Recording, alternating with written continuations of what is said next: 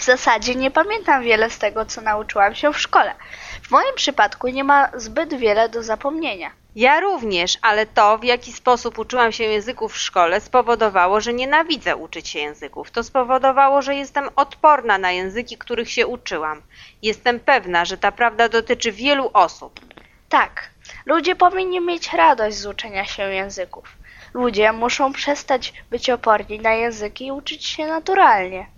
Cóż, chyba to rzeczywiście działa na ciebie. O tak, Jerzy uczył mnie, więc pozwoliłam mu zostać w moim apartamencie. Więc nie opierasz się również Jerzemu. Co próbujesz powiedzieć? On nie jest moim chłopakiem. Nie śpimy w tym samym łóżku. To miło z twojej strony, że pozwoliłaś mu zostać w swoim apartamencie. To było dobre dla mnie. Miałam darmowe konwersacje z nim przy śniadaniu i kolacji.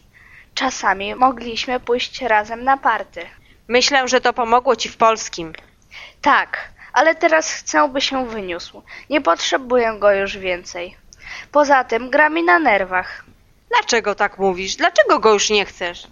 On jest takim bałaganiarzem. Nie sprząta po sobie. Wszędzie zostawia brudne ubrania.